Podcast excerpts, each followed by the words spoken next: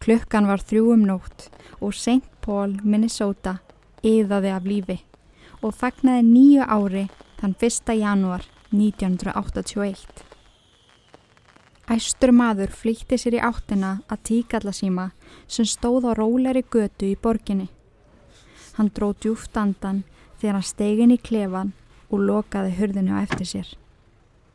Blóðugar hendur hann skulfu þegar hann sló inn 911. 911, what's your emergency? Þegar röttin á hinum endanum spurðan hvert neyðra ástandi væri, gætt maðurinn ekkert sagt. Hann greiðt bara í tólið. Hann sagði síðan neyðaverðinum að ung kona væri mikið meitt á baku verksmiðju í nágreininu. Hún þurfti að fá sjúkrabíl og það strax. Neyðaverðurinn baðan um mikilvægar upplýsingar. Hvað kom fyrir hana? Hver eru meðsli hennar? Og hver er þú? Maðurinn svaraði ekki, heldur skellt hann á. Hann fór út úr símaklefanum og ískaldur vindurinn skall á hann. Hann dró úlpuna þjætt utanum sig og gekk út í kalda vetranóttina.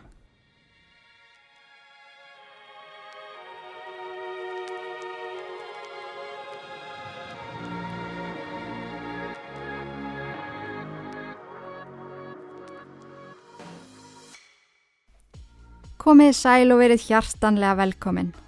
Ég heiti Inga og þið eruð að hlusta á Ílverk podcast. Podcastið sem að dregur lands með nær og fjær saman og gerur okkur að einni heild. Mér vantar eitthvað svona setningu í introið.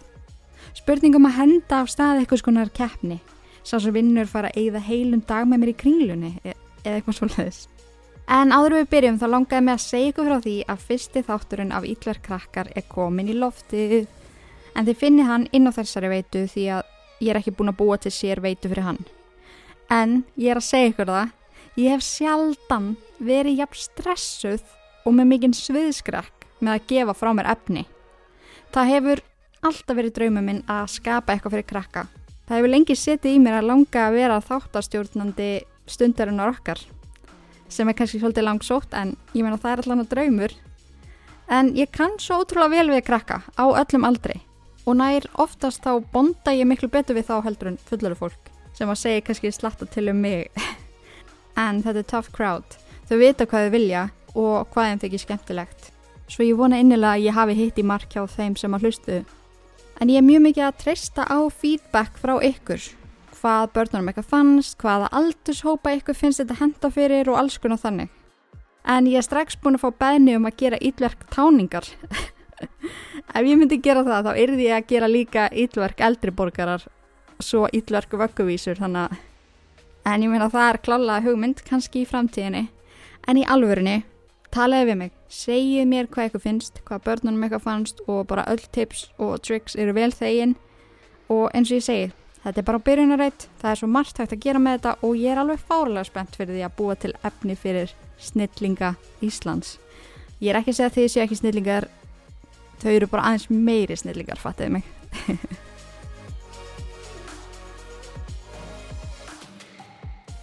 En þessi þáttur er í bóði leanbody.is. Ég vil minna ykkur á Singles Day sem verður þann 11.11. .11.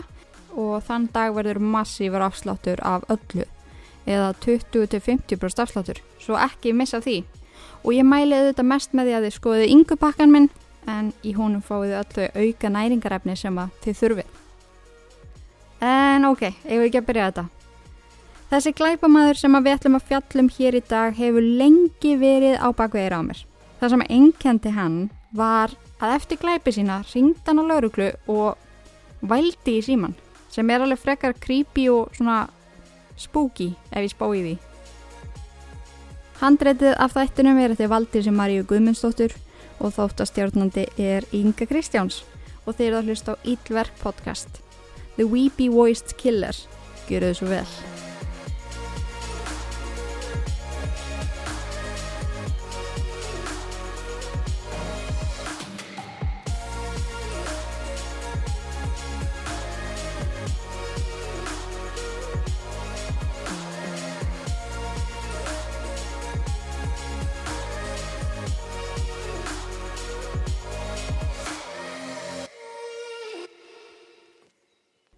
Um leið og hann hafði aldur til lærði Paul Michael Stefan um mátt hjáttningar. Í gegnum badnasku hans fóru stráng trúaðir katholskir fóreldra hans með hann í kirkju hverji helgi. Þar sem prestar kentu honum allt um mikilvæg þess að létta á sálsinni eftir að hafa syndgað. Þessi trúalega sannfæring var líklegast eina fastan í Olgu sjónum sem var barnæska Paul var. Hann fættist árið 1944 og var einn af tíu börnum. Alin upp á 5 hektara lóð fyrir utan Austin, Minnesota. Fóreldra hann skildu þegar hann var ungur og þegar Paul var 30 ára giftist móður hans og ný. Nýji stjúpfæðir hans var líkt á móður hans mjög trúfastur og gætti þess að miðla trúsinni til stjúparna sinna. Móður Paul og stjúpfæðir innbrentu í börnin sín leksjur um synd, hjáttningu og afsal. Hlutir sem að tóku sér bólfestu í huga Paul. En því meður voru fórleitra hans ekki bara trúfastir heldur var stjúpfæðar hans mjög ofbeldisfullur. Ef eitthvað stað stjúpbörnunum hans var það vegi hans eða reittu hann til reyði, lamdi hann þau eða hendið þeim hreinlega niður stegan. Það er ekki ólíklegt að þessi misnótkun hafi haft varanlega áhrif á sálarlíf Pól. Eftir því sem Pól var eldri virtist hann líka verða meira og meira tilfinningarlega óstöðugur. Pól komst svo loksins í burtu frá ábeldis fulla stjúpföðu sínum snemma á sjönda áratögnum. Þegar hann lauk stútensprófi og flutti 160 km norður í borgina St. Paul. Þar flakkaði hann á melli starfa. Meðal annars var hann útgerðamadur, húsvörður á sjúgrási og um miðjan 8. áratögin vann hann hjá framleiðslu fyrirtækinu Malberg. Þótt nákvæm tímalína sé ekki til staðar þá er vita að Pól giftist og eignaðist dóttur á þessum árum. Og það virtist allt ganga vel hjá hann. Var með góða vinnu, livði hamingjusum með fjölskyldulífi en hægt og bítandi fóru hlutinir að detta í sundur hjá hann. Það er ekki ljóst nákvæmlega hvenar en á næstu árum molnaði hjónaband Pól neður. Þegar skilnaðurum var yfir staðin var Pól ekki lengur í lífi dóttur sinnar. Það er ekki víst hvort það var hans val eða hvort það var vegna dómsúskurðar. Hvort sem er, hættu höggin ekki að koma og lífans fór niður á við með hverjum deginum. Árið 1977 var Pól rekin úr vinnu sinni í Malberg. Á örfáum árum hafði hann mist allt. Eginkonu sína, dóttur, vinnuna. Kanski datt Pól ekkit annað í huguna svara þessum tilfinningum með ofbeldi. Upplýsingar um atveki sem kom fyrir akkur þarna er á skortnum skamti en hann var sérst handtekinn á þessum tíma fyrir líkamsárás. Eftir það og næstu þrjú árin reyndi Pól að taka sig saman. Hann byrjaði meira að segja í nýju sambandi með konu frá Seríu. Þegar hann fekk svo nýja vinnu virtist allt alltaf ganga upp hjá hann en rétt fyrir árið 1980 snýri kærasta Pól aftur til Seríu. Það var búið skipulegja hjónaband fyrir hana og hún ákvaða að samþykja það. En hún hafi kannski ekki um mikið annað að velja heldur. Þetta braut Pól algjörlega niður. Í annað skipti á sínu stutta lífi hafði makjan skilaðan eftir til að díla við brotin af misefnuðu sambandi. Hægt og rólega fór reyði hans að breytast í eitthvað mun dekra. Í lokársins 1980 fannst Pólan vera að missa stjórn á lífinu sínu. Í hans huga virtust öll hans vandamál byrja og enda með konum. Ef hann vildi koma lífið sínu aftur á réttabraut og hefna sín, ná fram réttlæti eftir allt sem hafi verið gert honum, fannst honum besta leiðin vera að taka stjórn á konum með því að láta þær þjást. Pól eitti gamláskvöldi 1980 aðleitt og hafði ekkert að fara. Hann hafði enga veistu til að fara í að fjölskyldu til að fagna með. Þegar klukkan sló tólf og nýja árið gekk í garð, kerðan stefnulegst um miðbæ St. Paul. Klukkan var eitt þegar hann kom auga á unga konu sem var einúti að ganga, 20 ára Karen Pontak, sem var háskólanemi frá Wisconsin sem ferðaðist til St. Paul til að fagna nýju ári með systrum sínum. Hún var úti að skemta sér þegar hún lendi í rifrildi og yfirgaf skemtustæðin í hraði án þess að segja neinum frá því. Hún tók ekki eins og úlpuna sína eða eigur með. Pól kom auga á karinni þegar hún gekk skjálfandi niður göduna. Eitthvað var til þess að Pól heitlaðist verulega af henni. Hugur hans fóru á fullt. Hún fannst hann heyri ykkur að rödd í höfðinu sínu sem að kvart hann til þess að meiðana. Hann stoppaði bíl sinn við hliðin á henni og bauð henni stað til þess að hlýja sér á. Hún þáði það og settist inn í bílinn, fegin að komast út úr kuldanum. Pól kerði af stað og sagðist þú að gera það bara til þess að fá meiri hita í bílinn og koma bílinn svona í gang. Hann ógi burtu frá miðbænum og hjælt í átt að stað sem hann þekkti vel. Gamla Málberg verksmiðan. Hann vann þar árum saman og þekkti svæðið eins og lóan á sér. Bara það að vera nálegt verksmiðinni vakti upp mjög sterkar tilfinningar hjá Pól. Hann stoppaði bílinn á afskektum stað þar sem allt var hljóðlátt og dimt. Það var enginn í kring. Hann hunsaði spurningar Karinar um hvað væri eiginlega að gerast. Hann varði að taka stjórnina núna. Pól slökti á vélinni, lappaði skottinu og dróð fram felgujárn. Hann faldi vopnið fyrir aftan bak og skipaði Karinni að fara út úr bylnum. Skelvingu lostinn þá neytið hann, en þá reðst hann á hana. Hann lamda hana í höfuði ítrekað með felgujátninu, dró hana síðan úr bylnum og hendi henni á jörðina. Á meðan Karin lág meðvitindalauðs í snjónum, lamdi pólana að minnstakosti 20 sinnum til viðbótar og braut þar með á henni höfukúpuna.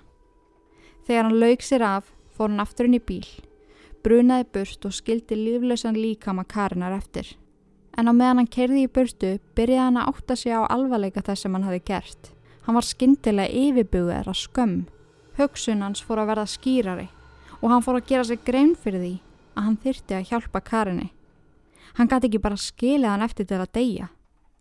Ekki nómið það, heldur þurft hann líka að játa og losa sig undan þunga gjörða sinna. Hann þurfti að játa syndi sínar, líkt og honum hafi verið kenti í æsku. Please. This is an emergency. Please send a squad to Pierce Butler Road, uh, Molenberg Manufacturing Company, machine shop. Please, there's an ambulance too. There's a girl hurt there. Can you tell me what happened to her? Just hurry. There's a, she's laying on the ground in the back by the by the railroad tracks by the edge. Hurry. What, what's the address? I don't know. Who are you?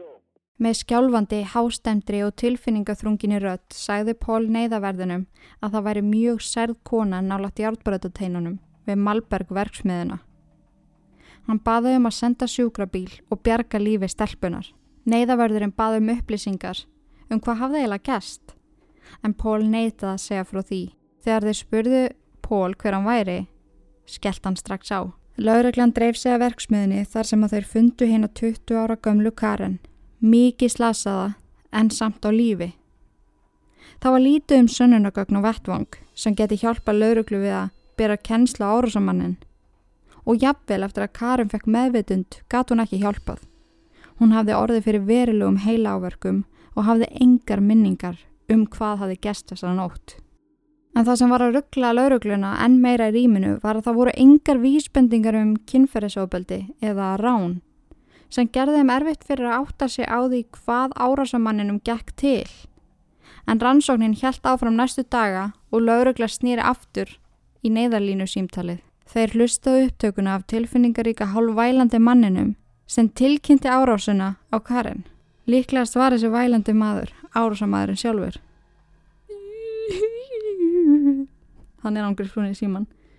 Ég verði að koma mjörgunni. Sori, maður á ekki hlæja þessu. En heima hjá sér fylgdist Pól með frettunum og beigð þess að það erði minnst á hann í tengslum við rannsóknina. Hann beigð stressaður eftir því að lauraglann kæmi að dyrum hans og handtækjan. En þeir komu aldrei. Tímin leið og hann átti að sjá því að hann hefði komist upp með hann róttalega glæp. Pól var skelvingulostinn yfir því sem hann gerði. En virtist líka meðvitaður um að hann hefði ekki fulla stjórn á gjörðum sínum. Hann vissi líka að það væru ansið góða líkur á því að þetta dimma innra með honum myndi brjótast út aftur og næst þegar það kemi fyrir myndi fórnarlampið hans ekki lifa af og það er eitthvað sem hann vissi. Rugglaður og hrættur við hugsanir sínar og það sem hann hafi gert. Ágaf Pól að láta lítið fyrir sér fara næstu sex mánuði. En sjálfstjórnin gæti ekki varaða eilifu. Þann 3. júni árið 1981 var hann að borða á matsölustaf þegar eitthvað gerist honum. Hún var litið á 18 ára gamlu Kimberly Compton sem hafði nýlokið stúdensprófi og var nýflutt til St. Paul. Hann fór og spjallaði við ullingin og böðst til að sína henni bæinn. Hann lagði til að þau myndu fara á ánni í lautaferð. Kimberly var yfir sig ánað með að hafa fundið vini í nýju ókunnugu borginni en síðar, eftir þetta allt saman, þá á Pól eftir að minnast á það að hann hafði ekki haft neinn ásetning um að meiða Kimberly. En þegar hún steg upp í bílinn hans þá hafði hann ekkit annað í huga heldur en bara að sína henni borgina. En aðeins mínútum eftir að þau byrjaði að keira, fór hann úr tengslum við raunveruleikan. Hann heyrði rött í höfðin á sér sem að sagði hann um að drepa. Pól kerði á afskektan stað sem að þekkti vel. Stað með góðu útsýni yfir ána. Þegar hann lagði bílnum hvart hann Kimberly til að fara út og skoða sig um. Hann sagði henni að þetta væri nú eitthvað sem að hún getur sagt fólkdra sínum frá sem ég skriti kommentin, ok? Á meðan Kimberly lappa niður að árbakkanum náði Pól í skrújátn úr skottinu á bílnum og fylgdi henni síðan á eftir. Hann faldi vopnið og lagðist hjá henni í grasið og þau nutu saman náttúrunar og kyrðurinnar sem fylgdi ljúfum árströymnum. Svo, án þess að segja nokkuð, hallaði Pól sér að Kimberly og stakk hana með skrújátninu. Hann stakk hana aftur og aftur yfir 60 sinnum, en það var ekki nóg fyrir hann. Hann losaði reymina úr öðrum skónu sínum, batt hana þjættum hálsinnar og þrengdi að. Þegar hann var vissum að hún væri dáin, stóð Pól upp og dró andan djúft. Hann horði niður á líflausan líkama Kimberly og áttaði sig á því hvað hann hafi gert. Hann ítti líkinu frá brún annar og vonaði að það erði erfiðar að sjá hann á þaðan. Þegar hann hljópa eftir á bílnum, hent hann blóðugu skrújátninu frá sér. Enn og aftur varð hugur Pól skýrari þegar hann óka vettvangi og raunveruleikin sló hann fast í andletið. Hann vissi að hann hefði drepi Kimberly. Hann gæti ekki hjálpað henni með að ringja í 911, svo hann ákvaði að keira heim og hugsa um hvað var í best að gera. Á meðan Pól reyndi að búa til plan fundu þrýr úlingstrákar Lee Kimberly og ringdu í laurugluna. Lauruglan kom á staðin og þeim hreilti við sjóninni sem blasti við þeim. Eins og í árusinu á Karin Pótak voru engar augljósar vísbendingar um hver árásamæðurum væri. Það eina segir vissu var að Kimberly hafi verið stungin tögi sinnum með vopni sem að þeir heldu að veri skrújátt. Um svipa leiti og rannsóknin hófst ringdi Pól í verulega uppnámi í laurugluna. Hann vissi að það væri of seint að hjálpa Kimberly en eitthvað innra með honum öskraði á hann að hann þyrti að játa. Í gegnum lífsitt hafði Pól haldið fast í kathólsku trúna og núna þegar hann stóð á móti afleðingum þess sem hann hafi gert fannst honum það að vera það eina rétta í stöðinni. Að játa. I.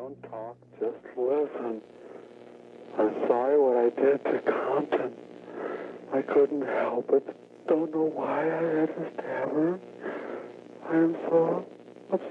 I. I keep getting drunk every night. I can't believe. It's just like a big dream. It's just, I can't think of being locked up. If I get locked up, I'll kill myself. I'd rather kill myself than get locked up. I'll try not to kill anybody else. Þegar neyðavörðurinn svaraði, sagði Pól, hægt og rólega í síman. Ekki tala. Hlustaðu bara. Pól sagði lauruglunni að hann væri miðu sín yfir því að hafa drepi Kimberly Compton og útskýrði að hann vissi ekki akkur hann hefði gert þetta. Hann virtist líka undarlega vonsvikin yfir því að lauruglan hefði ekki enþá handtökið hann. Hann kvíslaði síman. Ég var að stinga eitthvað með skrújóðni og ég get ekki stöðva sjálfa mig. Ég held bara áfram að drepa fólk. Enn og aftur neytaði Pól samt að bera kennsla á sig og bauð engar upplýsingar fram um glæpin. Fyrst heldu lauruglumenninir sem að heyrðu símtalið að þetta væri bara rekkur. Skrítni tilfinningar ekki maðurinn í símanum hljómaði of íktur til að vera raunverulegur. Skömmu eftir símtalið kom þó dánavottorð frá krupningatekni sem sagði að morðvopnið hafi verið skrujótt. Lauruglan sem vann við málið gaf morðingjanum nafnið The Weepy Voiced Killer og með engar aðra vísbendingar um hver hann væri lögðu þeir áherslu á símtölinn. Þeir gáfi fjölmiðlum upptökunar og vonuðist til að ekver kannast við röttina. Síðan byðu þeir bara eftir hann ringdi aftur. Á meðan var Pól að fylgjast með fréttum um andlát Kimberly Compton. Hann eitti mörgum dögum í að kvæljast yfir sársökunum sem hann olli og fann fyrir mikilli sektakent. Þegar þetta var orðið ómikið til að höndla, tók hann upp síman og ringdi í 911 einu sinni enn. Að þessu sinni var lauruglan tilbúin. Þeir hlustuðu vel á meðan Pól talaði hljóðlátt með sorglugum yfirtón og baðst innilegar afsökunar á því sem hann hafi gert. Hann sagði lauruglinni að hann gæti ekki stoppa sig og hann skildi ekki þessa kvatir. Fyrir honum var morðið eins og blörraður draumur. Í gegnum ekka sagði Pól að hann myndi frekar drepa sig en að fara sjálfur í fangelsi og endaði síðan símtal á því að segja Ég lofa að drepa ekki neina fleiri eða ég lofa allavega að reyna það. En svo löggan hefði verið bara, heyrðu, þú reynir að, þú reynir að slaka á, reynir ekki verið að drepa meira fólk. Heldur þú getur reynt það, vinnu minn, hann bara ekki hafa skal reyna. En laurugla náði þarna elda símtalið að tíkallasíma nálægt strætóstoppurstöð. En þegar þeir komið þanga var Pól lungu farin. Hann var greinilega tilbúin að játa en ekki til þess að horfast í augu við afleggingar gjörða sinna en það verðist líka eins og hann hafi notað þessar játanir til þess að losa sig svolítið við áberðina, losa sig við sektakendina. Það var ekki honum að kenna, hann var búin að byggja þeim að stoppa sig og þeir gerðu það ekki þannig að þetta er í rauninu bara lökkun að kenna, fattiði mig. En það sem hann vissi kannski ekki og hann var kannski farað að gruna var að þeir voru einmitt að vinna hörðum höndum að því að reyna að ná honum. Rannsóknarlauruglu grunaði mjög sterklega að þeir væru að eiga við síafbrótamann svo þeir ákvaða að fletta vel í gegnum alla öðbeldiskleipi fyrri ára á svæðinu. Það var þá sem að þeim var liti á árásuna á Karen Potak. Þó að minnstrið á árásunum væri ekki eins, felgujátn og skrújátn, grunaði lauruklinni að sami maður væri að verki og þeim fannst líka hansi líklegt að hann myndi láta aftur til skara skrýða. Hann væri jafnvel raðmórðingi. Stærsta og mikilvægasta hliðstæða málana var svo að sami maðurinn ringdi í laurugluna eftir þessa glæpi játaði og lísti yðrun sinni í vælandi rödu. En tvö önnur líkindi skára sér út, en það var líka meira sem að bendi til þess að þetta væri tengt. En kóru kvennana var beitt kynferðislu og ofbeldi og þar hafðu báðar, hlustiði nú, þar hafðu báðar verið í rauðum fötum. Lauruklan byrti þessar upplýsingar til almennings í vonum að ykkur myndi geta komið með ykkur upplýsingar, en ekkert komið ljós. Mánuðinni leiðu, hálft árleið og máli kólnaði. Það var einhvern veginn ekkert að berast en lauruglega var alltaf með þetta baku eira þeir voru alltaf opnir fyrir ábendingum en það vissulega kólnaði. En í svolítið langan tíma náði Pól að halda aftur að sér og bara láta lítið fyrir sér fara. Og hann lifði nokkuð eðlilegu lífi í rúmt ár eftir þetta.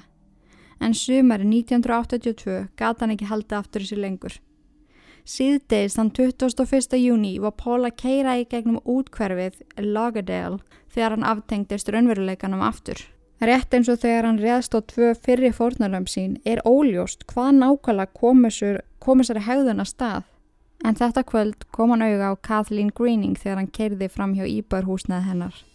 Hún var 33 og var að pakka dóti í bílinn sinn fyrir helgaferð. Rétt eins og Karen og Kimberly var hún klætt rauðum fötum.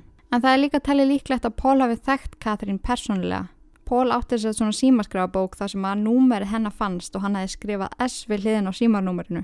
Hvað sem það var sem að hafið þessi áhrif á Pól ótlið af því að hann stöðvaði bíli sinn fyrir utan íbúðin hennar Katrín þennan dag og hann ætlaði að drepa hana. Hann horði frá göttinu á Katrín klára að pakka dótin inn í bíl og lappa aftur inn til sín. Eftir að hafa beðið í nokkra mínútur til að gangur skugga um að enginn myndi sjá stegi Pól út úr bylnum sínum og gekkunum ólæsta út eftir að hurð Catherine. Þegar hann var komin inn, heyri hann hljóð innan úr baðherbygginu. Hann lappaði hljóðlega í áttina herbygginu þar til hann fann Kathleen sem var á leiðin í bað. Hann stegin á baðherbyggið og greið bí hana. Áður en hún náða öskra, ítti hann höfðunar undir vatnið og hjælti þar. Pól sagði setna frá því að þetta morð hafi verið eins og leikur Þegar hann var að drekka Kathleen hugsaði hann með sér. Hvað ert að gera? Hún er að deyja. Þrátt verið þessar hugsanir hætti hann ekki. Þegar hann náði svo að tengjast raunveruleikanum á ný, sá hann líflausan líka með Kathleen í baðkarinu og hann skildi ekki hvað hann hafi gert. Eina ferðina enn. Ótrúlegt en satt þá ringdi Pól ekki í laurugluna og játaði en hún er leið samt træðila úr sektakent og hann fannst hann þurfa að finna leið til að hleypa þessari þingd af sér. Í þetta skiptið leitaði hann til kirkjunar sinnar. Settist indi prestsins og hágrét. Sæðist þurra játa. Að vissu leiti þá var hann að venda sjálfa sig með því að viðukenna fyrir til dæmis prestinum og lauruglunni og þannig var hann að koma svona ábyrðin yfir á þá eins og ég sagði ykkur áðan. En því miður leittu játningar ekki til breytinga á hegðun hans og mér er stæli magnað að þú veist, ég veit reyndar ekki hvernig það virkar þegar maður fer og játar eitthvað fyrir prest. Er hann ekki skildur og segja frá ef þetta er eitthvað glæpsamlegt? Ég veit það ekki. En hann allan að lappar út úr kirkjunni alveg bara þvílitt léttur í lundu og bara ah, svo gott að játa maður. Það er allir að fara til prest og játa bara alla stundi sínar og þá er þetta alltaf góð en á meðan Pól var að glíma við tilfinningar sínar þá var lauruglega rannsaka morðið á Kathleen Greening Án símringingar var ekkert sem bentið til þess að morðið á Kathleen tengdist hinum árásum Pól. Og til viðbútar þá var einhvern veginn allt öðruvísi við morðið á Kathleen og hinaglæpina. Og þess vegna var The Weepy Voiced Killer ekki skoðaður þegar að koma Kathleen. Og þeir hafði ekki hugmyndum það að maðurinn sem þeir voru upprunulega eftir var komin aftur af stað. Eftir morðið á Kathleen virtist þetta ofbeldisfulla ótengt við raunveruleika ástand sem að komi við Pól aukast og styrkjast. 5. ágúst, tveim vikum eftir morðið á Kathleen Greening, hitti Paul hérna 40 ára gamlu Barbara Simons á Hexaton barnum í Minneapolis. Eins og fyrir fórnurum Paul var hún klætt rauðum fötum. Hann gekk upp á Barbaru og bað hann um síkaretu. Hún gaf honum eina og þau byrjaði að spjalla. Þau virtust heillast að hvort öðru og töluðu saman nógu lengi til þess að henni liði vel með honum. Þegar líða tók á nóttina, bauð Pól Barbaru far heim og hún þáði það. Pól ætlaði ekki að keira Barbaru heim. Þessi stað ókan á afskektan stað við bakka Mississippi árinar. Þar í skjóli nætus reðst hann á hana og með skrújáttni stakkan Barbaru yfir hundra sinnum. Þegar hún var dáin faldi Pól líkanar nálat áni og hendi morðvopninu frá sér. Snemma næsta morgun fann ungu blaðberi líflösan líkama í grasinu og ringdi á laurugluna. Byggt á því hversu illa Paul reyndi að fela líkið, gískaði Don Brown lauruglumæður á að þetta væri ekki fyrsta morð þess sem var framtíða. Tveim dögum eftir að hafa myrt Barburu hugsaði Paul með sér að hann gæti ekki lifa með þessu, hann varð að játa. Hann ringdi á lauruglustöðuna og var þegar grátandi þegar svara var. Hann sagði þeim að hann var í miðu sín yfir að hafa drepið þessa stelpu með því að stingana. Don't talk, just listen. I'm sorry I killed that girl. I stabbed her 40 times. Kimberly Compton was the first one over at St. Paul. I, I don't know what's the matter with me. I'm sick. I'm going to kill myself, I think. I'm, Where are you? I'm just going to... If somebody dies with a hook shit on, it's me. I killed both of you. I'm sorry. I'll never make it to heaven. Calm down. Calm En það kom líka ansi margt mikilvægt fram í þessu símtali, eins og til dæmis að hann hefði myrst annað fólk og nefndi Kimberly Compton sem sitt fyrsta fórtalamp. Enn og aftur þá vældi hann í síman og saði frá því hvað hann væri döðrættu að fara í fangilsu og hann væri miklu freka til að deyja bara og hann hótaði að fremja freka sjálfsmorð, frekar en að dúsa bak við lás og slá. Löruglumadurinn í símanum reyndi að halda Pól á línunu eins lengi og hann gat því hann vonaðist til þess að hann myndi gefa upp hver hann væri eða hvar hann væri. Þessi stað greiðt Pól áfram og sagði að nú kæmist hann aldrei til heimna og skellti svo á. Löruglumadurinn var mjög pyrraður, hann var búin að missa hann aftur af línunni. Þau vissu að Barbara var í fórnalamb The Weepy Voiced Killer en ekki mikið annað en það. Og þar sem glæpir Póls virtust vera að gerast hraðar og hraðar vissu þeir að þeir yrðu að gera eitthvað og það strax til þess að koma í veg fyrir að myndi myrða aftur. Til aðra hamingju fengur meiri upplýsingar í þessu máli en málunum áður. Barþjóðnin á Hexagon henn lýsingu á manninu sem Barbara hafði farið heim með. Hann gískaði á að maðurinn var í færtugur, um 180 cm á hæð með dögt hár og brún augu. Lauruglan leitaði þá í gegnum skrá sína til að finna menn sem pössuðu þessar lýsingar og voru með fyrir skrár vegna líkamsárasar. Þeir síndu barþjóninu myndir af átta mönnum og hann var fljótur að benda á Pól. En þeir gáttu samt ekki handtekið hann strax. Þeim vantaði fleiri sönnunagögn Og meðan þeir voru að vinna í þessu þá var Paul á fullu. Stuttu fyrir miðnetti þann 20. ágúst 1982, tveim vikum eftir morðið á Barbaru Simons, var Paul aftur úti að leita. Hann óginn í söðustu hluta Minneapolis þar sem hann nálgæðist Denise Williams, 19 ára vændiskonu og hún var klætt rauðum fötum. Paul bauð Denise 100 dollara fyrir þjónustu sína sem hún samþykti. Hún steg upp í bílinn hans og þau kerði af stað og aftur í íbúðinans Paul í St. Paul, þar sem að þau stunduðu kynlíf. Eftir það bauðst Paul til að keira Denise heim, en þegar þau ógu tilbaka í átta Minneapolis, tók Dennis eftir því að Paul keirði niður hliðagötur og íbúar hverfi í stað þess að taka þjóðvegin. Hann gerði hérna 19 ára gamlu Denise virkilega stressaða. Eitthvað var ekki í lægi. Þegar Paul byrjar að segja hann að lýsa fyrir henni kynferðslegum draumórnum sínum, ringdu viðvörunabjöllur í höfðu Denise. Hún vissi að hún yrði að fara út úr bílnum eins rætt og hún gatt. Að lokum stoppaði Paul bílinn í myrku afskektu bílastæði. Eftir að hafa drepi á vélinni kraðist hann þess að Denise borgaði fyrir farið sitt. Skelvingu lostin reyndi Denise að komast út úr bílnum en Paul greipi hana og dró hann aftur inn. Áður en Denise gætt losa sig dró Paul skrújátn úr hanskahólfinu og stakki kviðinar. Denise hrundi aftur í sætið þegar Paul stakk hana í annarskipti. Vitandi að hún varða berjast á móti, tegði hún hendurnar í gólbilsins og reyndi að finna sitt eigi vopn. Eftir nokkra sekundur fann hún glerflösku sem hún sló í höfuðu á Paul. Hún skar síðan í andletans og hendur með brotnu glerinu. Paul öskraði sársöka á meðan Denise barðist fyrir lífi sínu. Í aukna bleik virtist hún hafa yfirhöndina.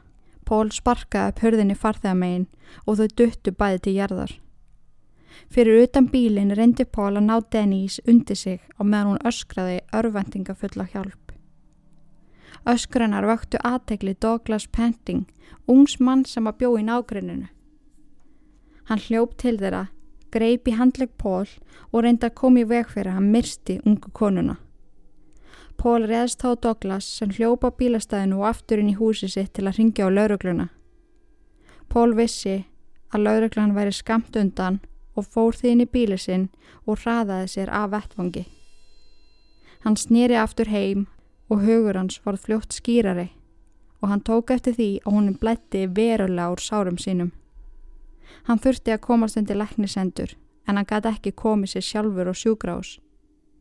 Hann hafði miklar áhugjur að lífi sínu og ringdi í 911. Hann saði neyðaverðinum að hann hefði verið lamin og þyrsti sjúkrabíl.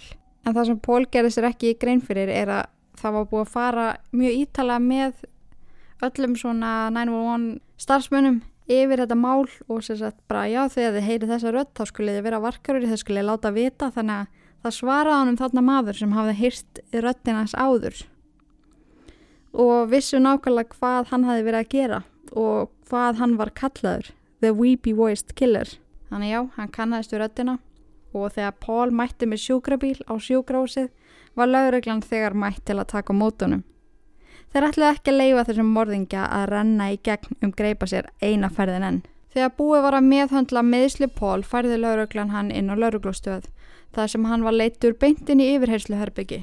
Rannsóknar lauruglumæðurinn Don Brown satt á mótunum og hlustaði með samúar eira á það sem að Pól hafði að segja. Hann þóttist það var miklar áhyggjur að myndri árás sem að Pól hafði orðið fyrir, sem að Pól fullirti að hafi verið rán. En þegar Pól var byrjað að opna sig, dróð Don fram skýslumöppu The Weepy Voiced Killer og síndi Pól myndir af fornarlömpum sínum. Hegðum Pól breyttist samstundis.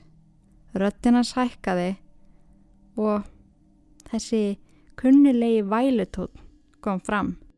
Á örfáum sekundum á meðan rannsóknar lauruglumæðurum fylgdist með breyttist Pól í Weepy Voiced Killer. Þeir vissu þarna að þeir væru með réttan mann. En þótt þeir væru með þúsundir sönnunagagna fyrir fram að sig, neytaði Pól öllu. Hann vissi það alveg að það var tvent ólíkt að játa við prest eða í síman, en við lauruglu í alvörunni það hafði mjög slæmar afleggingar og hann var ekki alveg tilbúin að taka þeim. Hann vissi það alveg ef hann segði lauruglunni sannleikan myndi að fara í fangelsi, sem var hans allra stæsti ótti. Þannig Pól hjælti fram að hann væri saklus maður og fullirti að hann ætti ekki þessa rött í símtölunum. Hann kannast ekkert við þetta, þetta væri ekkert líkt honum. En, en þessi afnitun sem hann var í sannfærði engan.